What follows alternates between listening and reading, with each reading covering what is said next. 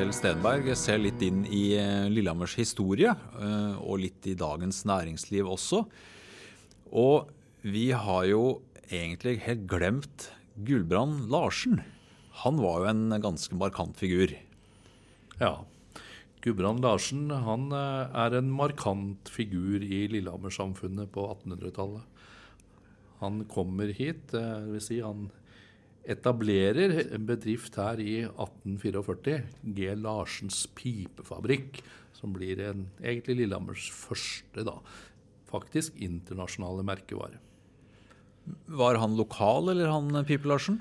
Ja, Pipe-Larsen han kom fra Ringsaker.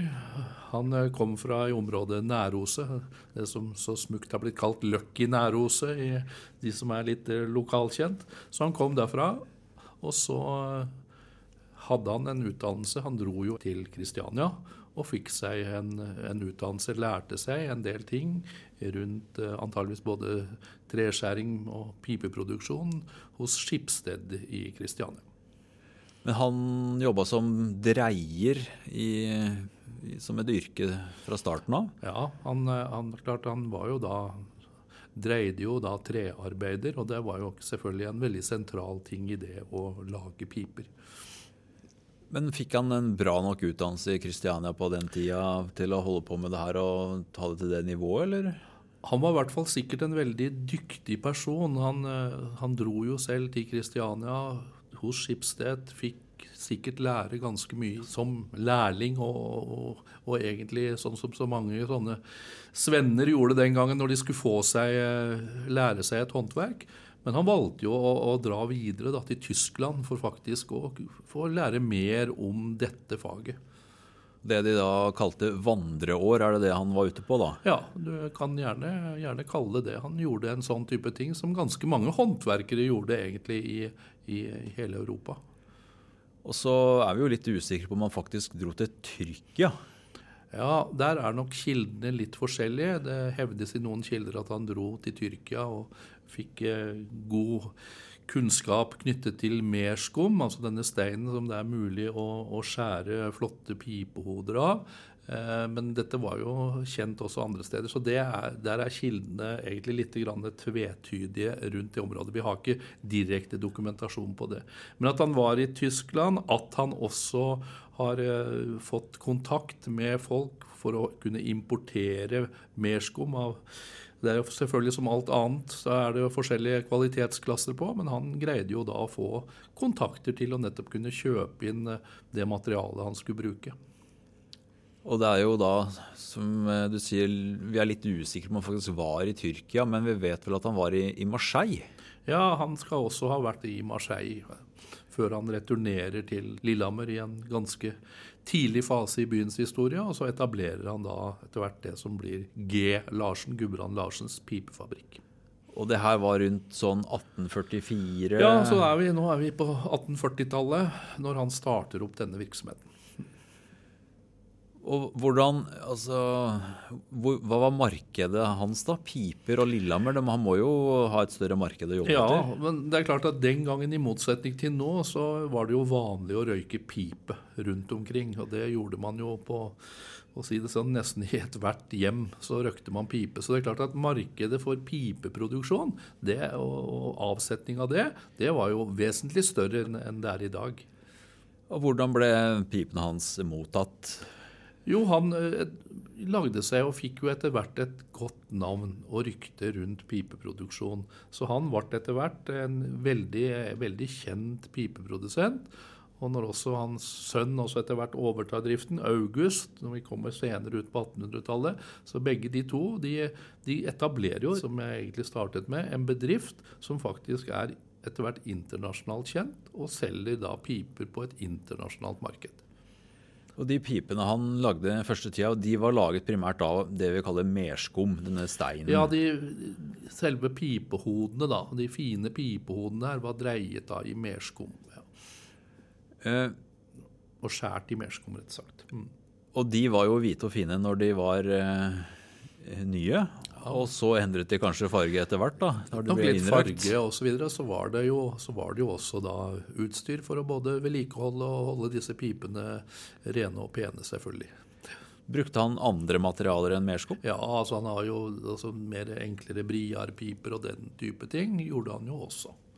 Så det er klart at jeg, Han hadde jo et sett med, med produkter fra den, den, helt vanlige pipa, som eh, folk flest og vanlige folk benyttet, til staspiper for de mer velbeslåtte, hvor det da etter hvert var eh, flotte, utskjærte piper på, som er stasgjenstander, og som i dag er ettertraktede gjenstander i samlinger.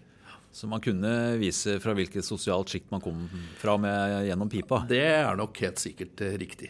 Til å begynne med var det jo veldig mange store langpiper som også var ganske flotte. Mm. Men han produserte også piper av bjørk? Ja da, så de produserte jo et sett med materialer det høres jo risikabelt ut med bjørk, men da må man vel eh, kanskje fòre med noe? Ja, de fòret jo helt sikkert med ulike ting, uten at jeg kan si detaljene på hva, hva de gjorde der. Men eh, det ble jo, i hvert fall så var resultatet av det at det var en, en fabrikk som også startet altså på 1840-tallet, og varte faktisk helt fram til vi kommer til 1980. Selvfølgelig med andre eiere etter hvert, men like fullt. Mm. Og så Fra 1860-årene produserte han piper med det som kalles briarot, mm. og munnstykker av Ibenholt. Mm. Ibenholt er vel ikke et materiale som er noe særlig innafor i dag, kanskje? Nei, det er nok ikke vanlig i dag. Men som sagt, han, han, eh, de produserte veldig mange fine gjenstander. Eh, det er jo, I området her så er det jo ganske mange som har piper fra gamle pipelasjen, fra de enklere pipene, og noen har jo da, er så heldige at de sitter på de virkelige staspipene, som er utskjærte piper med birkebeiner og gamle konger fra sagaen og pluss, pluss. Det er ganske flotte, disse her. Så det ble små kunstverk? Kun, ja, en del av de tingene de laget. Og også etter hvert som det var nye folk inn i, i bedriften. De, de, tiltrakk seg jo en god del arbeidstakere, og de fikk jo på plass folk som da, som da var kunsttreskjærere, og som skar ut flotte, flotte ting. Vet vi noe om prisene på de tinga der? hva det kosta? Prisbildet i dag det kjenner i hvert fall ikke jeg godt nok til. men det er i hvert, fall, I hvert fall så er det sånn at de pipene i dag, de virkelig store staspipene i dag Har du en sånn, skal du ta godt vare på den. For det, den kan være verdt eh, mange, mange, mange kroner. Men Var det noe eget utsalg som han hadde her i byen? Eller? Ja da, altså... Hvor holdt han til den egentlig i byen? Jo til, altså, når Gudbrand Larsen lagde bedriften sin, så holdt han til i Storgata. I det i dag, som de lokalkjente i Lillehammer i dag, så vil dette Bankgatekrysset, altså Bankgata, Storgata, der det krysses, der er det nå en, en eh, liten kafé, restaurant, som lager pannekaker. Et veldig populært pannekakehus. Der var den første bedriften etablert, og den var jo der fram til vi nærmer oss 1900. Men han eh, var jo på såpass høyt nivå at han deltok i eh, utstillinger og internasjonale konkurranser i forhold til ja. verket sitt? Ja da, så han hadde, vant jo flere priser og stilte jo ut ting på internasjonale konkurranser. Og, og fikk jo Jeg har sjøl vært og sett på en del av de diplomene som ligger på Maihaugen i dag. Så han, han gjorde det jo Eller han, sønnen og egentlig hele bedriften gjorde det jo godt. Mm. Så G. Larsens pipefabrikk eh, ble jo større, eh, og han utvidet jo da måtte nødvendigvis arbeidsstokken sin. Men ikke bare med norske, han var jo internasjonal der òg? Ja da, han hadde jo også da f.eks. noen tyskere i arbeid. Mm. Ja, Det er jo ganske interessant at man greier å lokke arbeidskraft eh, til Norge på den tiden. Det er jo ja, veldig spesielt, kanskje? Så må vi ikke underslå det at til ja, Jeg skal ikke si til enhver tid, men tross alt. Det har vært ganske mange utlendinger som har jobbet i Norge, ikke minst innen bergverksdriften. Vi, jo, vi skal jo ikke gå lenger enn til ut på Vingrom her for å se Går tilbake på 1700-tallet, og så, så, har vi da, da egentlig folk som driver med produksjon, og som typisk er tyskere som er spesialister på det, og som kommer til, til, til Norge for å jobbe med da, ulike ting. Vi vel kanskje ikke hvorfor det var tyskere som kom? Var det, det var pga. at man der hadde et stort miljø knytta til den type fagarbeidere. Så de fikk arbeidskraft, men de fikk vel også kanskje en del kunnskap med på lasset? da? Selvfølgelig. de fikk jo både interessant kunnskap med på lasset og, og så videre.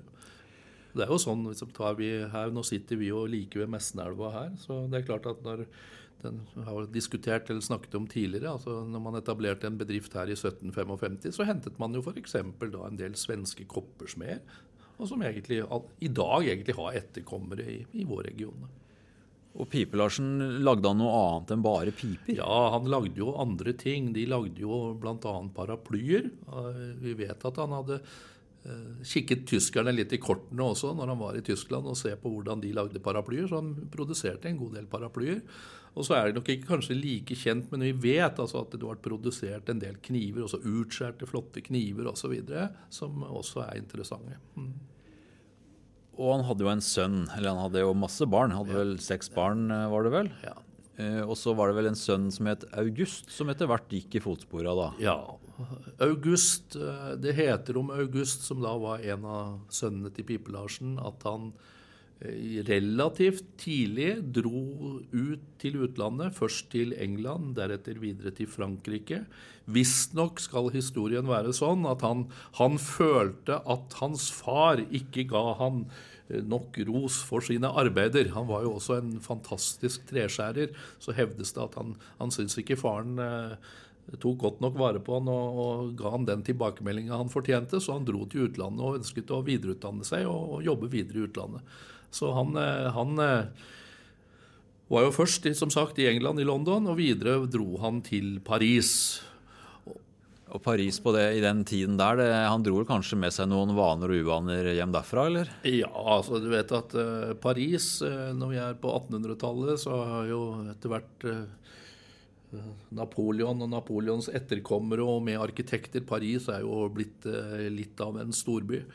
Og han han tilhører sikkert en del vaner, uten at vi vet det detaljert. Men eh, han, i Lillehammer så ble han ofte kalt for pariseren. Fordi han gikk alltid elegant kledd. Han hadde seg diplomatdress, han hadde flosshatt, han hadde stokk som han gikk med. Og han var egentlig Ja, han tok seg ut. Han hadde med noen kontinentale vaner inn til bygda. Ja. Det er jo ikke alltid kanskje like enkelt i mindre grender. Nei, det er klart at han ble jo lagt merke til. Eh, det er det ingen som helst tvil om. Og han deltok jo, både hans far og han selv deltok jo også i, i, kan du si, byens utvikling og byens liv. På en måte, De var jo sterkt delaktige i en del av de tingene som skjedde i, i området vårt. Mm. Men de var jo veldig anerkjent for faget sitt. da, og Augusto sies å være en god på portrettbyster, som han da greide å, skjære ut da, i sånne pipehoder, gjorde det at de tiltrakk seg eh, hva skal jeg si, godt kvalifisert arbeidskraft? Ja. At det var litt stas å komme hit? Det ble stas å komme og jobbe for Pipe-Larsen. og det betyr også at eh, en del av områdets dyktige altså I Gudbrandsdalen har vært kjent for å ha mye dyktige treskjærere. Uh, slik at det kom jo folk hit som da ble ansatt, og som brakte eller og videre På det første var med å utvikle selve uh, håndverket, og som også i ettertid har satt virkelige spor etter seg. Og hvor lenge greide de da å holde den geskjeften i live? Uh, de holdt jo på lenge, og det var jo etterkommere og sånn, men åpenbart så ble det mindre og mindre populært med å røyke pipe, enkelt og greit. Ja, det er klart at en del av disse staspipene er jo én ting. En annen ting er jo vanlige brukspiper. Så, mens disse staspipene har jo et eget segment ikke hvor, hvor velbeslåtte folk kan kjøpe ting. Men de vanlige pipene, etter hvert som uh, man gikk utover på 1900-tallet, så ble den internasjonale konkurransen på dette ble ganske stor. Uh, og det gjorde jo at man når vi kommer ut på 1970-tallet, så, får man jo, som så mange andre industrivirksomheter, da, da får man jo problemer. Eh, så det er faktisk, av alle ting, så er det Lillehammer Bryggeri som faktisk kjøper opp Pipe-Larsen når vi kommer ut på slutten av 70-tallet. Og så eh, driver driften der. Vi kommer fram til 1980, men da er det, da er det også, også slutt.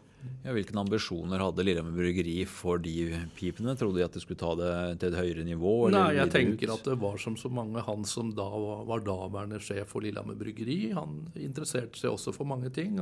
Han så vel også at dette er en bedrift som har gammel, lang tradisjon, og, og gjorde et ærlig forsøk på å, å holde liv i, i den. Liksom. Vet vi noe om uh, hva, hva, de gjorde da når de solgte geskjeften? Hva skjedde da med, med Pipe-Larsen? Eller levde August var vel uh, for lengst borte, han òg? Ja, du vet at uh, Pipe-Larsen etablerte jo Gudbrand Larsen etablerte jo denne bedriften når vi er på 1840-tallet. Og så dør han selv når vi er med oss ca. rundt 1900. Og så er jo da hans sønn som driver bedriften videre til vi kommer et stykke inn på ja, rundt 1913. Kan vi se noe til Pipe-Larsen i bybildet i dag? Ja, og det, det, er litt sånn interessant, men det vil nok ikke folk tenke over. For det er mange som har spurt fins det noen stor, Fins det noen statue av Pipe-Larsen? Nei, altså det fins ikke noen statue. Det er sant nok et, et uh, minnesmerke, en gravsten, på Gudbrand Larsen, som står rett øst for Lillehammer kirke. Uh, men uh, Gudbrand Larsen han var veldig interessert i når Lillehammer skulle få en ny kirke. Kirken, Den gamle kirken fra 1733 var etter hvert veldig slitt. Nå er vi ute på 1870-tallet. Og så ble det en stor diskusjon internt i Lillehammer mellom ulike ledende menn fortrinnsvis, om hva skal denne relativt unge byen ha av kirke. Og da er det en stor diskusjon som foregår i avisene. Og, da er det at Gudbrand Larsen han hevder jo at en, en, by, en by skal ha en stenkirke, en kirke av sten. Den skal ha en verdig kirke.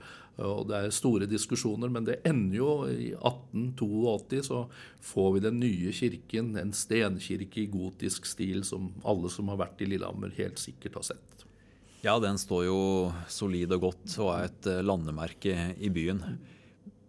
Når da Larsen-gutta, eh, hvis man kan kalle dem det, åpenbart gjorde gode penger, og de med penger i, i byer vil jo ofte markere seg både politisk og eh, Involverte de seg i det hele tatt i noe politisk arbeid? Det involverte seg i hvert fall i politiske saker, er riktig å si. Og det er sånn at ja, vi må ta en liten sånn, etter mitt syn, litt morsom anekdote, da. Eh, fordi at når jernbanen kommer til Lillehammer Det skjer 100 år før OL, altså i 1894. Samtidig får vi bruk av elektrisk strøm. Og når eh, jernbanen skal åpnes i 1894, i september, så er det Oskar 2., altså svensk, den svensk-norske kongen, som åpner.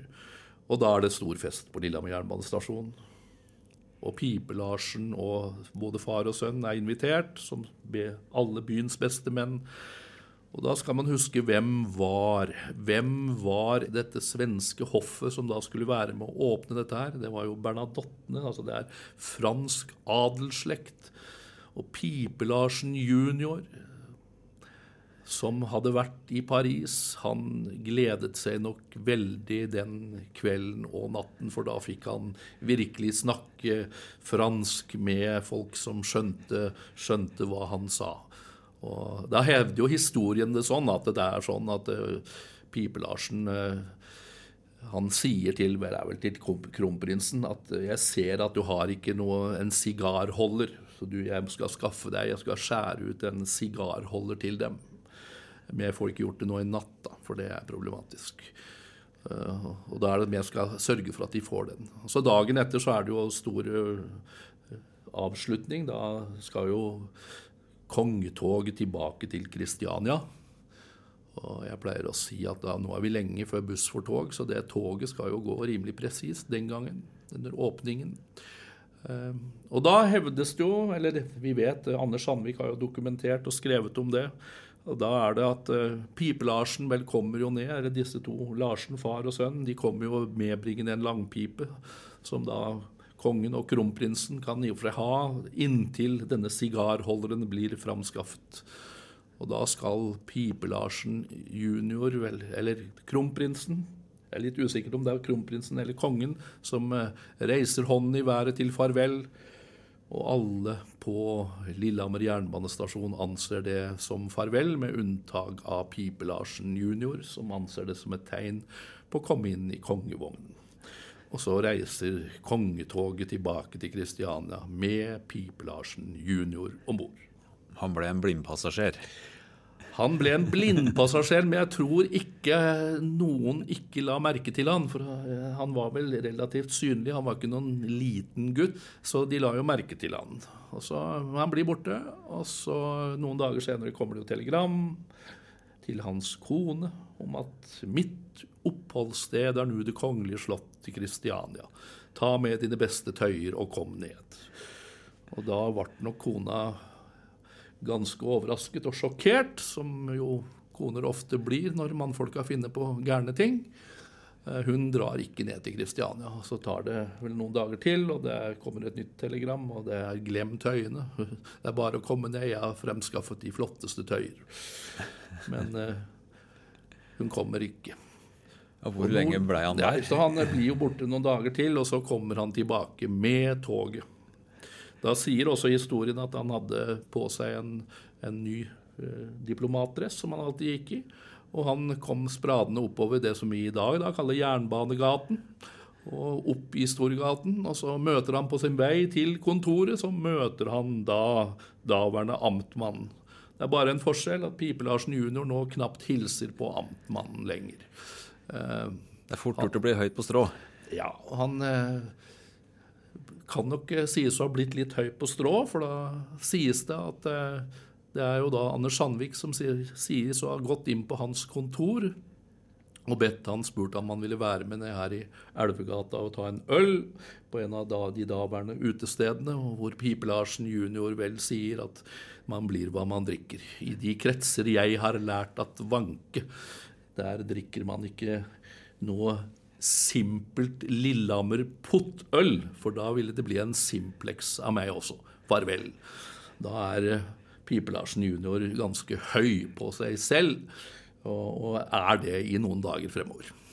Men det går vel av etter hvert, får vi håpe? Ja, du vet at uh, det er jo sånn med Skal jeg ikke si noe galt om kunstnere, men noen kunstnere de er jo følsomme. og de, Noen av de er jo litt høye på seg selv av og til. Og Det var også Pipe-Larsen jr., men han var snart tilbake i sitt normale jeg og var fullt mulig å snakke med. Og det er jo sånn at De kongelige Kristiania syntes det var festlig. De hadde fått med seg en mann som var en særdeles kreativ person, og som skar jo ut de flotteste gjenstander til dem der nede på slottet i Kristiania. Så det var jo et, et uh, morsomt, uh, morsomt møte antageligvis for dem. Men det ble med et engangsbesøk. Ble han invitert tilbake?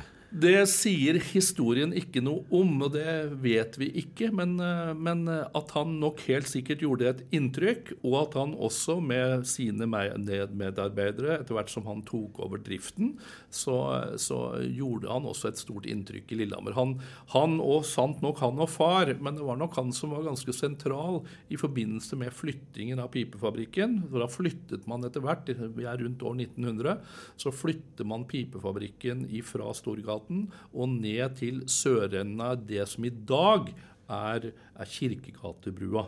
Altså Kirkegata Lillehammer. Da lå fabrikken faktisk på tvers. Den ville stått i veien for veisystemet i dag. Og så ble den etter hvert flyttet over på, på vestsiden. Ja. Og hvor lenge fikk den ligge der? Nei, altså Pipefabrikken lå jo der fram til vi kommer da, fram, på 19, til, fram til 1980. Mm. Det var vel eh, det vi hadde om Pipe-Larsen? Ja. Pipe-Larsen, en utrolig kreativ familie. Og som én ting er at de påvirket hvordan Lillehammer ble. Han sørget jo også for å lage da eh, Pipe-Larsen jr., tror vi, sto jo egentlig bak, selv om både Gudbrand og, og, han var de som formelt sto bak, så var nok Gudbrand, så var nok Pipe-Larsen, altså August junior, var nok den pådriveren for å lage det Grand Hotell, som da er rett ovensiden av DNB nede ved Lillehammer kino i dag. Dette som gjerne blir kalt strykejernet, da, populært det hjørnebygget. Ser du på det hjørnebygget, så ser du ikke det er ikke så langt å tenke seg at inspirasjonen har kommet fra Paris.